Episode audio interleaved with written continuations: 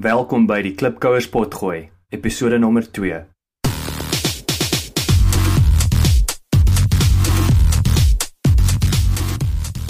Klipkouers, waar ons help om jou besigheidsdrome 'n realiteit te maak. Elke week gesels ons met 'n paar plaaslike en internasionale Afrikaner entrepreneurs en vra hulle dieselfde 10 vrae, ten einde die beste praktiese en beproefde besigheidsraad met jou te deel. Jou gasheer en mede-klipkouer, Jacques Passon.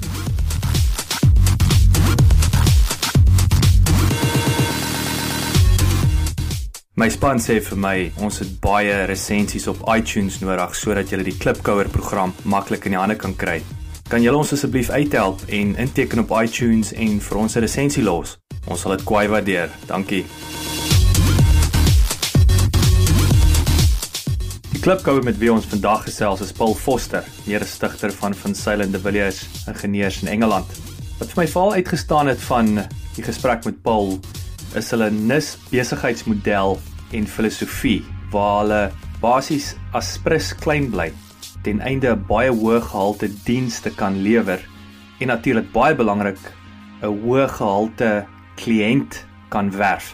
Ons sien baie uit om meer van die klipkouer en sy manier van dink en doen te hoor. Paul, welkom. Dankie, Jacques.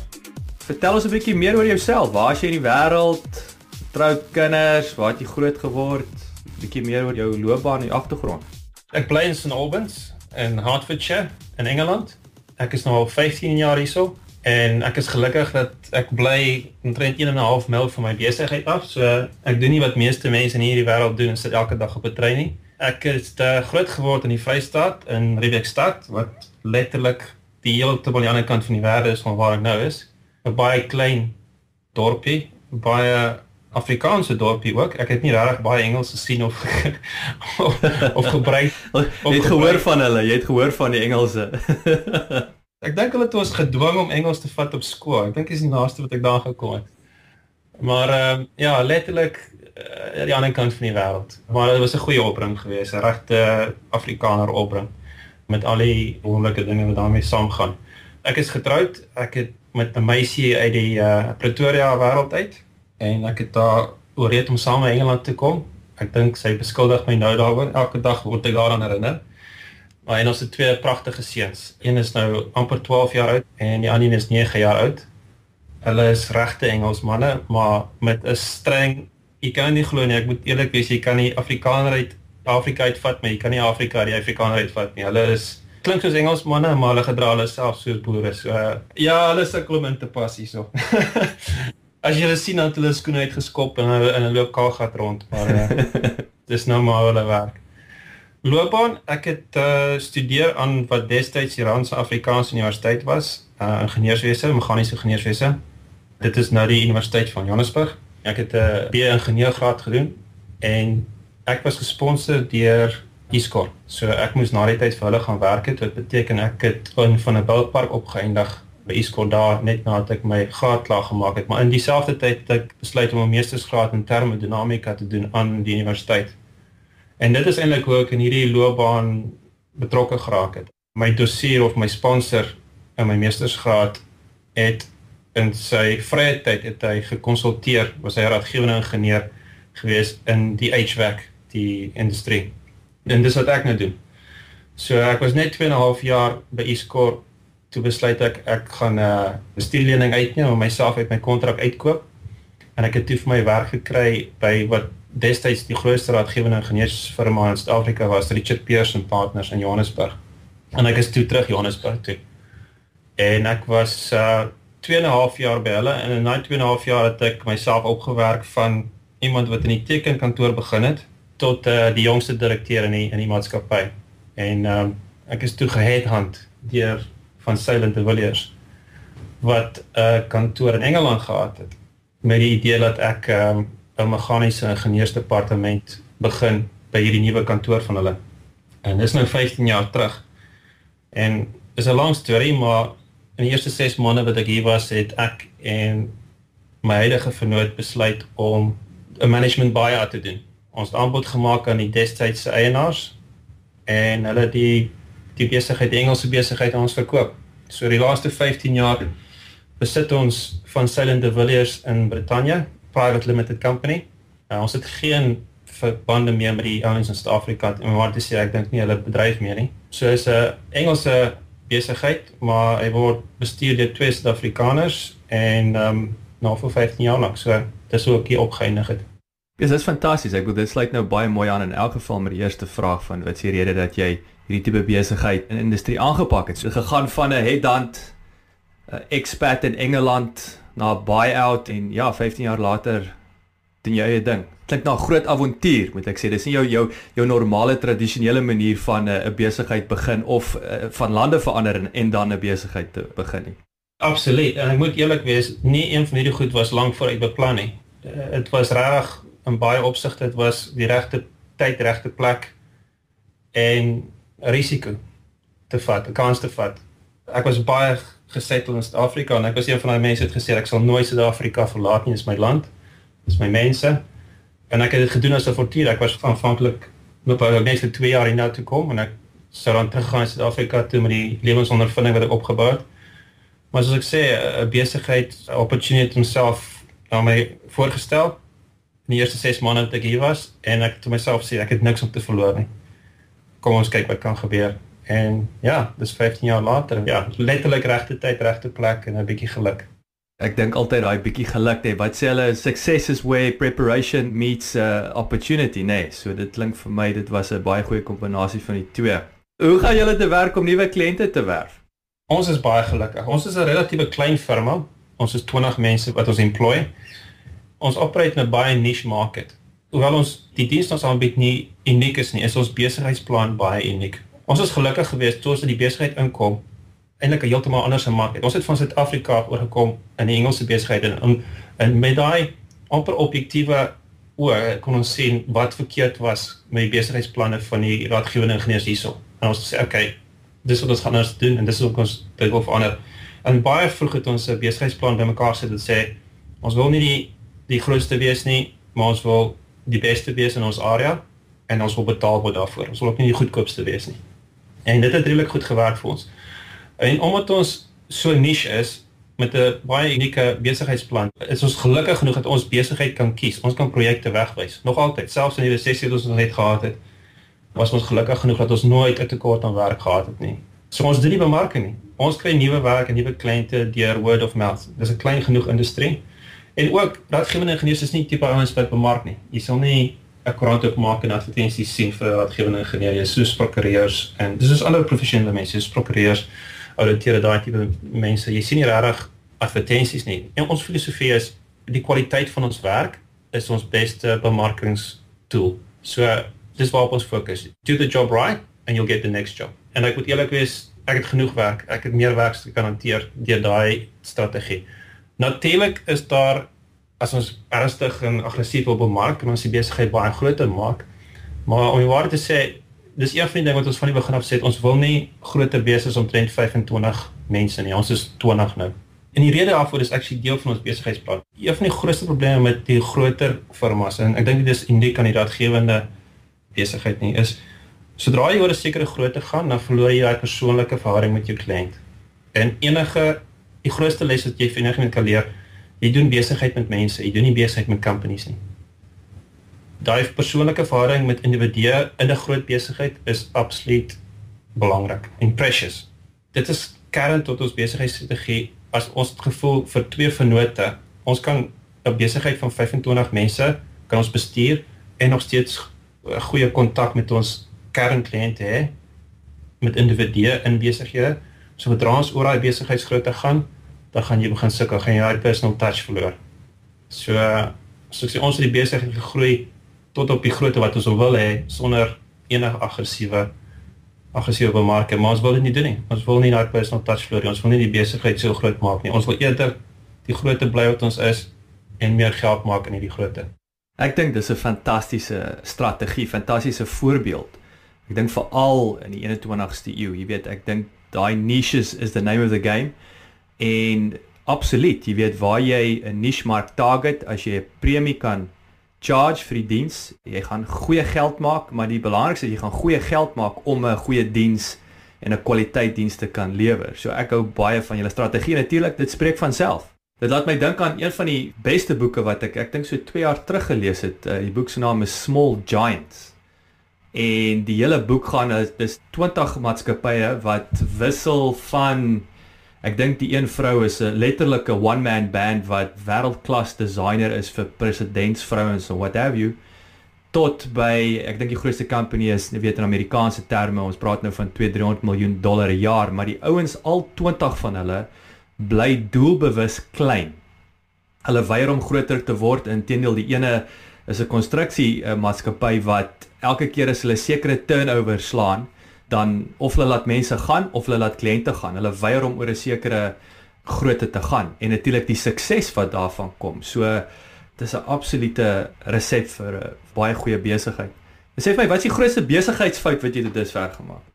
Maar die grootste besigheidsfout het wel my besigheid gekos 2 jaar terug. In die resessie het ons uh, ons grootste kliënt verloor en hulle het ons 'n groot klomp geld geskuld en uh, ons is amper onder omdat hulle ons nie kon betaal nie. Met die the benefit of hindsight, ons het hulle nooit hard genoeg gedruk vir die geld wat ons geskuld het nie. Sedertdien het ons besigheidspraktyke ingebring wat seker maak dat mense ons betaal wanneer ons voorstel is om te betaal en as ons nie betaal nie, is daar sekere prosedures om in plek om seker te maak dat hulle ons betaal. So ons het net oorleef omdat ons so 'n sterk bankbalans gehad het en 'n gesonde kontantvloei. Dis die enigste rede hoekom ons oorleef het. Maar ja, jy moet onthou aan die einde van die dag, en dis ongelukkig ek het jou genoem aan die begin, ons hoe baie belangrik persoonlike kontak met ons kliënte vir ons daai personal touch. Ongelukkig word van ons kliënte ons vriende in die proses. En nou ongelukkig dit van die vriende ons uh ons vriendskap misbruik. En omdat ons al ons ons vriende was nie net ons kliënte net ons wil nie hanteer soos besigheidmense en nou nie hard genoeg gedruk vir die geld los geskuld het nie. So dis die grootste fout wat ek ooit gemaak het en ek het daardie les geleer uit. Klomp geld verloor in die proses, maar ons het oorleef en ehm um, dis skoolgeld. Dit sal nie weer gebeur nie, kan jy dit sê. Dit is 'n ongelooflike waardevolle les en voorbeeld. Wat is die gemiddelde credit terms dan in die industrie? Dit is veronderstel om 30 dae te wees, maar dis dis seker een van die industrieë wat die swakste betaal in terme van credit terms. As al my kliënte binne 30 of 60 dae betaal, sal ek glad nie 'n probleem gehad het nie. Maar kliënte in hierdie industrie en is ongelukkige siekte in hierdie industrie, hulle is gewoond aan om te betaal wanneer hulle wil, eerder as wanneer hulle moet. Maar soos ek sê, ons is ons is nou 'n proses in plek en ons kliënte weet dit dat uh as hulle nie betaal nie, gebeur sekere dinge en dit is my besigheid. Op 'n vandag is dit besigheid. Jy moet doen wat jy moet doen om jou besigheid uh, aan die gang te hou. Ek het uh so 'n jaar gelede gesels ek met 'n Italianer en hy uh vertel toe vir my in Italië as jy met die Italiaanse regering besigheid doen, enige publieke kontrak is jou gemiddelde credit terms so 370 dae. So jy wag net mooi 'n jaar vir jou geld. So ek weet nie of daar enige ander plek in die wêreld is wat uh, jy 'n jaar vir jou geld uh, wag nie, maar ja, dit gebeur. maar in elk geval, wat is jou grootste swakheid? My onvermoë om te delegeer. Ek is 'n control freak. Ek's 'n perfectionist. Ek maak die mense uit vir my werk absoluut mal, maar ek het vir jou voorgesê, een van die kerndinge in ons ethos is is kwaliteit. Is om die beste te wees. So ek is absoluut ek maak mense maar oor detail en detail te check en te check en te check en te double check om seker te maak dat niks uit die kantoor uit gaan as dit nie gecheck is en gecountersign is en double check is nie. Dit is kern tot ons besig. Weet jy, jy Jackie kan jare vat om 'n goeie reputasie op te bou en dit vat een flop om 'n goeie reputasie af te breek. En dit is soos ek sê, dit is een van die redes hoekom ons suksesvol is, is die kwaliteit ons lewer. So ek raak beter dan so ouer ek word en soos my span het vir my werk ook ook my verstaan, beter verstaan en ek hulle meer kan vertrou. Maar uh ek wens ek kon ek kon beter delegeer. Ek sou my eie lewe baie makliker gemaak het. Wat is een gewoonte wat jy wens jy het? Ek wens ek was meer innoverend. Ek dink as 'n ingenieur in die tipe werk wat ek doen, ek's 'n ontwerper, ek moet innoveer, ek moet nuwe nuwe idees voor in dag kom om my besigheid om voor te bly met tegnologiese ontwikkelinge en al daai dinge. En ek het al baie gedink hoekom ek 'n stukkie meer innoverend nie. En ek dink, ek moet eerlik wees, ek dink dit het baie te doen met my opbrengs en die Afrikaanse kultuur. Ons is grootgemaak, ek is grootgemaak in 'n huis waar jy nie vra vra nie. You never question authority. As hulle sê jy spring, dan spring jy. En dit is maar my opbrengs in die Afrikaanse dissipline en kultuur wat daarmee saamgegaan het. My vernoot is Engels. Hy's Suid-Afrikaner, maar hy's Engels Suid-Afrikaner en heeltemal nie daai kultuur gewoond nie. En baie meer gemaklik om autoriteit, maar nie autoriteit nie, enigiets in lewe te question. En te vra maar hoekom is dit so? Hoekom is dit nie anders dan nie? Die twee van ons vul mekaar eintlik baie goed aan. Hy's die innoveerder, die denker, die een wat met die idees voor in dag kom en ek sien wat weet hoe om dit te implementeer want ek is analities baie sterk. Maar as ek net na myself kyk, ek wens ek was meer innoverend geweest. Maar as jy kyk en ek spring nou vooruit na 'n paar van die ander dinge toe, maar as jy kyk na van die mees suksesvolle vennootskappe in besigheidsgeskiedenis, een van die stories wat my absoluut vasvat is Apple en hoe Apple gegroei het. En as jy kyk na Apple en hoekom Apple gewerk het, hulle het Steve Jobs gehad wat hierdie rebel was, hierdie innoveerder. Maar hy kon niks implementeer nie. Hy het nie die tegniese skills gehad om dit te implementeer nie. En hy hy het staat gemaak op Steve Wozniacki om dit te maak werk. Kyk wat hulle reg gekry. Daar's baie seker voorbeelde in die besigheidswêreld. Jy het al daai ingredients nodig om suksesvol te wees in hierdie tipe besigheid. Is 'n baie goeie punt en ek bedoel jy kan gaan kyk na dis dieselfde met Google, dis dieselfde met Microsoft Dis dieselfde met Buffett, Berkshire Hathaway, al hierdie ouens, nê. Jy sien altyd die ou op die voorgrond. Jy sien net vir Bill Gates, jy sien net vir Warren Buffett, jy sien net vir Steve Jobs. Maar hulle het hulle ewig nie in die agtergrond, die partners wat hulle aanvul. Die implementeerders. Absoluut. Jy weet, so hulle is daar, selfs met Google, nê. So en dit is, is sulke hoogs suksesvolle maatskappye. Jy het genoem in die begin, jy weet tegnologiese innovasie. Is daar 'n land spesifiek wat die innovasie in jou industrie dryf. Jy weet, ek wil amper sê wie is best in class en en wie wie kan julle na kyk en uh, ek wil sê kopie en verbeter tipe van model. Daar's nie een land nie. Dit hang af watter deel van ons industrie jy kyk. Ons ontwerp hittering en verkoelingsstelsels vir geboue. Enige gebou, groot geboue.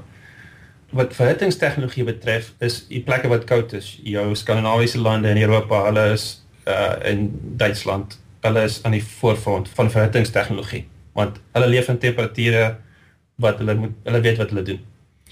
As jy kyk na verkoelingstegnologie, dan gaan jy na jou warm lande toe. Dan gaan jy kyk Suid-Afrika byvoorbeeld. Die verkoelingstegnologie in Suid-Afrika is much is is heeltemal verder voor as byvoorbeeld uh sekere dele van Engeland. Uh in my my Midde-Ooste. Ek gaan kyk na die Midde-Ooste en kyk hoe hulle dinge daar doen. Hoe ons besigheid getransformeer die laaste paar jaar in Engeland veral en Europa veral is die verandering in die wette hierso wat ons dwing om geboue meer en meer energie-efficient, carbon efficient te ontwerp. En dit sal as te doen met die Kyoto protokol en die regerings in Europa wat die protokol geteken het sê ons sal ons carbon footprint teen 2050 sal nie meer as dit wees nie. En ons industrie het heeltemal die laaste 15 jaar verander van waar ons net verhittings en koelingsstelsels ontwerp het tot ons is nou energie-ingenieurs, energie-konsultante. Ons konsulteer ons raad. Ons gee nou vir ons kliënte raad hoe is die mees energie-effektiewe manier om jou gebou te ontwerp. En dit is baie baie interessant. En in daai aspek is ons in Engeland en Europa ver voor. Ons is die wêreldleiers. Want die Midde-Ooste stel nie belang om energie te spaar nie, want hulle verkoop olie. Hulle besigheid is olie verkoop. So meer energie hulle kan verbrand, hoe beter. Maar China is ver agter as gevolg van hoe hulle ekonomie gegroei het. Amerika begin opvang, maar dis nie uh is nou nie nuus Barack Obama meer impetus wil gee aan Amerika se se carbon reduction strategy en die die politieke weerstand wat hy kry in Amerika. Hulle sê maar jy gaan ons ekonomie seermaak as jy doen. Die feit van die saak is Amerika, China, Midde-Ooste, al die plekke gaan eendag van tyd gaan hulle moet ingee aan sosiale en, en politieke druk Want die feit van die saak is die die wêreld besig om te verander. Ons kan nie aangaan soos aangaan nie. En of jy daarvan hou of nie, uh, ons gaan meer sustainable moet leef. Die wêreld het nie oneindige hoeveelheid energie bronne nie. En dis waar my veld op hierdie staan ongelooflik interessant is. Uh in die tegnologie wat ons ontwikkel hier en die stelsels wat ons hier ontwikkel. Dit het heeltemal ons industrie getransformeer. En, en dis een van die dinge wat ons as 'n besigheid ook baie suksesvol in was. Ons kon sien hoe die trend gaan verander. En ons het baie vinnig besluit maar ons gaan ons gaan seker maak soos hierdie nuwe wetgewing in plek kom dat ons reg is daarvoor en dat ons in 'n posisie is waar ons ons kliënte goeie en akkurate advies kan gee rondom die goed. En dit het ons 'n ongelooflike het ons besigheid getransformeer. Ons het van gaan van vier ouens wat uit 'n garage uit werk oornag tot 10 ouens. Dit was die grootste impetus wat ons besigheid gekry het in die laaste 15 jaar. Dis baie interessant. Kan dit te doen hê met die, die feit dat Europa so 'n klein plek is of dat Engeland so 'n klein eilandjie is met so baie mense dat die impak van veilig of daai inefficiencies wil ek sê van geboue en so aan dat die impak baie groter is op die mense versus groter plekke soos China en Amerika. Ja, nee. Om my baie te sê, hulle sê dis politieke druk, maar as jy die die feit van die saak, gaan oor geld. Soos enige besluit in die wêreld, Jacques, enige regering maak besluite rondom geld, ongelukkig. En as jy kyk na Great Britain PLC, as jy kyk na Brittanje se ekonomie is 'n besigheid, ons het nie genoeg olie en gas om ons eie ekonomie aan die gang te hou nie. Ons is nie so China wat ons genoeg geld het dat ons dit kan inkoop, dat ons die steenkool kan inkoop van enige plek in die wêreld nie. Ons is nie Midde-Ooste wat meer olie het wat ons kan gebruik nie. Ons is nie Amerika wat meer olie het wat ons kan gebruik nie. Ons kry ons gas van Rusland af. En Rusland is 'n baie volatiele regering. En ek dink meer as enigiets anders, ek dink as min politici wil erken, maar meer as meer as enigiets anders, meer as die politieke en die sosiale aspek daarvan. Het die ouens besef 10, 15 jaar terug dat ons nie vir altyd onafhanklik kan wees van een ou wat 'n pyplyn beheer vir ons ekonomiese groei ad infinitum nie. Ons moet kyk dat ons meer self-supporting kan wees, self-reliant. En ekonomie groei. So die mense word meer. Ons gaan altyd meer en meer wil gebruik, maar ons het net soveel bronne. So die een manier om dit te doen is om te kyk dat dit wat ons het, ons dit meer effektief gebruik. So ek dink dit is groot meerendeels 'n groot aspek of 'n belangrike aspek in hoekom Europa so ernstig is oor die ding. En miskien hoekom ander lande minder ernstig is daaroor. So die sad reality is as ons 'n olie-eiland was en ons kon verskriklik goedkoop weet selfversorgend wees en lekker uitvoer dan dit het nie saak gemaak dan of ons nie die son kan sien. Presies. die oggend is ons opstaan. Presies, dis presies, dis presies wat absoluut, absoluut, absoluut. Dis waar dit gaan. Op 'n vandag as of ons wil weet of nee regerings neem besluite gebaseer op geld. My span sê vir my ons het baie resensies op iTunes nodig sodat jy die Klipkouer program maklik in die hande kan kry. Kan julle ons asseblief uithelp en inteken op iTunes en vir ons 'n resensie los? Ons sal dit kwai waardeer. Dankie.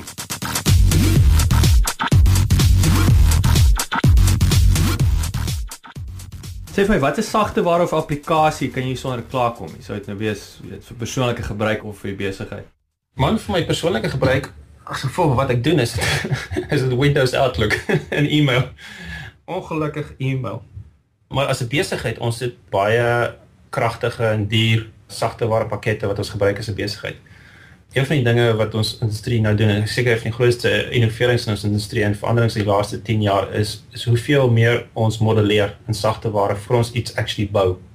Jy kan nou 'n hele gebou modelleer in 'n virtual dimension en hom toets en hom operate en kyk hoe hy reageer voordat jy hom actually bou. En ons kon nie dit doen 20 jaar terug nie. En so ons het baie kragtige sagte ware wat ons gebruik. Alles wat ons nou doen is in 3 dimensies, is nie meer in 2 dimensies nie. So daar's 'n hele lys van sagte ware wat ons gebruik, maar dit is baie spesifiek op die ingenieursbedryf gemik en wat ons doen. Sagte ware wat ons die meeste gebruik is wat een van die belangrikste sagte wat ons gebruik eerder is sagteware wat 'n company in in Skotland ontwikkel. Hulle in dit is beskikbaar reg oor die wêreld is Integrated Environmental Systems IES en hulle modulasie sagteware wat ons gebruik om geboue te modelleer. Ons kyk hoe die geboue werk, hoe die die lug inkom in die geboue, hoe die geboue ventileer, hoe hulle reageer in verskillende klimate en ander dinge. So dis Integrated Environmental Systems gebaseer in Skotland. Daar's ander ouens in die mark wat ook soortgelyke sagte ware het, maar in Engeland spesifiek in Brittanje is hulle een van twee wat ek sou sê aan die top van die mark is. Dan gebruik ons as 'n modelleerplatform gebruik ons Revit, Revit MEP. Uh Revit is baie ehm um, word baie gebruik in die konstruksie industrie hierso en in Amerika ook. En is heeltemal sentraal tot die hele building information modeling trend wat op hierdie stadium heeltemal die industrie oorneem.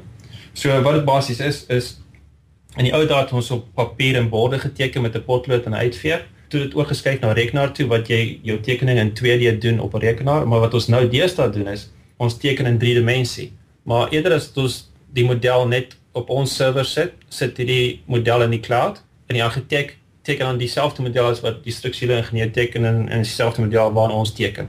So as die argitek 'n deur skuif, dan kan ons onmiddellik sien hy die deur geskuif en hoe word hy geskuif en hy kan sien waar ons pype loop en ons kanale loop en ons kabels loop. Die strukturele ingenieur so ons werk basies in 'n virtual environment almal aan dieselfde model in drie dimensies. Dis hoe die industrie heeltemal verander het. Sê vir my is daar 'n boek wat jy sou aanbeveel as 'n moet lees? 'n Persoonlike favourite is Steve Jobs se uh, biografie. Dit is baie goed geskryf. Hy's inspirerend. Hy het die waardevolste company in die wêreld begin en hy hy het misluk ook. Dis die belangrikste. Steve Jobs het misluk. Hy's gefire by Apple. Het hom gevra om te loop. Hy het weer opgestaan, het hom afgestof, opgestaan en hy het uh, hy het die hele ding omgedraai. So dis 'n ongelooflike boek om te lees. Ek sou dit aanbeveel. Ek het die uh, ek sê die audioboek uh daai tyd geluister. Ek onthou ek dink dit was so 30 uur want dit is mos maar 'n frisboek. Maar ek moet sê ek was geboei elke keer as ek op my lang run gegaan het met die boek. Presies. Presies. Ek, ek kon die boek nie neersit nie. Dit is my absoluut ja, heeltemal geboei. So wie is die persoon wat vir jou 'n rolmodel of inspirasie is en hoekom? Wel ek het hom nou al 'n paar keer genoem, maar Steve Jobs is vir my ehm um, miskien omdat hy 'n ingenieur was ook. En hy's 'n innoveerder en hy het Steve Jobs het die vermoë gehad om produkte te skep wat ons nie eens geweet het ons wil hê nie. Hy het die wêreld verander op soveel maniere en mense kan nie eens dan dink nie. Uh, as jy môre sit en dink wat hy wat hy reg kry, dat die met die musiekindustrie verander, hy die hy die rolprent industrie verander met Pixar. So dis 'n ou wat homself hy het ongeloof hy was visionary visionary geweest en hy was nie noodwendig 'n goeie besigheidsman nie self nie definitief nie die eerste keer nie. Hy was nie iemand wat kon implementeer nie maar hy het hy was 'n absolute visionary en hy het die guts gehad om risiko's te neem en daai iets te doen in daai visie het dis waar enige besigheid moet begin. Jy moet 'n visie hê. Maak nie saak hoe simpel dit is of hoe kompleks dit is jy moet begin met 'n visie. As jy nie 'n visie het nie as jy nie kan sien waar jy wil gaan nie gaan jy nêrens kom nie. Wat is jou gunsteling aanhaling weer eens Steve Jobs. Weet nie of mense weet nie, maar hy het hierdie dit actually was 'n Apple was 'n Apple marketing kampanje gewees. En die dae toe hulle beklei het teen IBM en hulle het hierdie advertensie gelonch en Steve Jobs het actually die, die woorde geskryf vir die advertensie en dis 'n lang quote, maar ek moet dit vir jou lees want dit pas so mooi. Want ek's 'n geek. Vergeet wel weet of nie ek's 'n geek. Maar wat mooi is van die quote is as, as ek dit vir jou gelees het, sê jy verstaan ek wat wat mooi is daarvan is dat hy hy celebrate mense se verskille. En hy sien nie mooi daarin en hy sien nie positief daarin en ek dink dit is ek wens ons as 'n as 'n mensdom as as humanity kon dit meer doen dat ons mekaar se verskille kon celebrate. Ek sê dit vir my is dit mooi en net omdat ek dink dit pas mooi by die persoon wat ek is. Die quote is here's to the crazy ones, the misfits, the rebels, the troublemakers, the round pegs in the square holes. The ones who see things differently. They're not fond of rules. You can quote them, disagree with them, glorify or vilify them. But the only thing you can't do is ignore them because they change things. They push the human race forward. And while some may see them as the crazy ones, we see genius because the ones who are crazy enough to think that they can change the world are the ones who do. Powerful stuff. Ek moet aansluit by jou. Jy weet een van die my gunsteling aanhalinge en dit is nie Steve Jobs nie, maar Steve Jobs het dit baie aangehaal is is Da Vinci. Simplicity is the ultimate sophistication. Ja, ek wil dis die fondasie van Apple se design wil ek amper sê. En dit is vir my ek streef daarna in my persoonlike lewe wat ek kom al hoe meer agter daai simplicity is dit vat harde werk ou maat om die gemors weg te strip om net met die essensie oor te bly en, en alles wat ons doen ons werk ons persoonlike lewe ons verhoudings net hoe my studeerkamer ek kyk alweer hoe die gemorsie opgaar it's easier said than done maar uh, dis my baie powerful.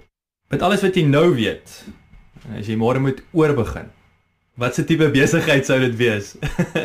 Ek wil niks verander nie moet eerlik wees, ek wil niks verander nie. Ek is nie 'n tipe mens wat terugdink en sê what if nie. Ek glo nie aan foute maak nie. Ek glo aan foute is lesse. Uh, jy leer uit jou foute en jy lewe vorentoe. So ek moet eerlik wees, as ek dit alles oor kon doen, sou ek dit waarskynlik net so gedoen het en dieselfde foute gemaak het. Ek het no regrets. Absolutely none. Dis baie goed. Ek het nou die dag verlede week actually toe kyk ek 'n dokumentêr oor uh, Thomas Edison en ek ek dink die meeste ouens wat luister ken die uh ding wat hy gesê het van die weet ons ons sê 10000 het so baie keer gefaal om die lightbulb en toe sê hy is nie 10000 foute nie is is 10000 maniere om dit nie te gedoen het nie nê nee. Exactly jy kan nie jy kan nie dwaal in die verlede nie, jy moet of jy foute nie. Jy moet jouself afstof, opstaan aangaan. Nee, dankie Paul. Dit was nou baie interessant, baie inspirerend. Sê vir my, hoe kan jy klipkouers met jou kontak maak? Jock, e-mail is waarskynlik die maklikste want ek kan enige plek in die wêreld kry. My e-mailadres is paul@vzddv. Dit's Victor Zulu Delta Victor.com. So jy kan enige tyd e-mail en ek sal 24 uur akses hê dan. Wat is julle besigheid se webadres? Ons is www.vzdv.com. Paul, verskriklik dankie vir jou tyd. Dit is baie lekker om jou te gesels en uh, sterkte met die dinge en uh ja, ek hoop om in die nabye toekoms weer met jou te chat. Dankie dat jy geluister het. Vir 'n opsomming van die onderhoud en programnotas, gaan asseblief na ons webwerf toe www.klipkouers.com. En terwyl jy daar is, teken asseblief in, dan kan ons jou elke week op hoogte hou.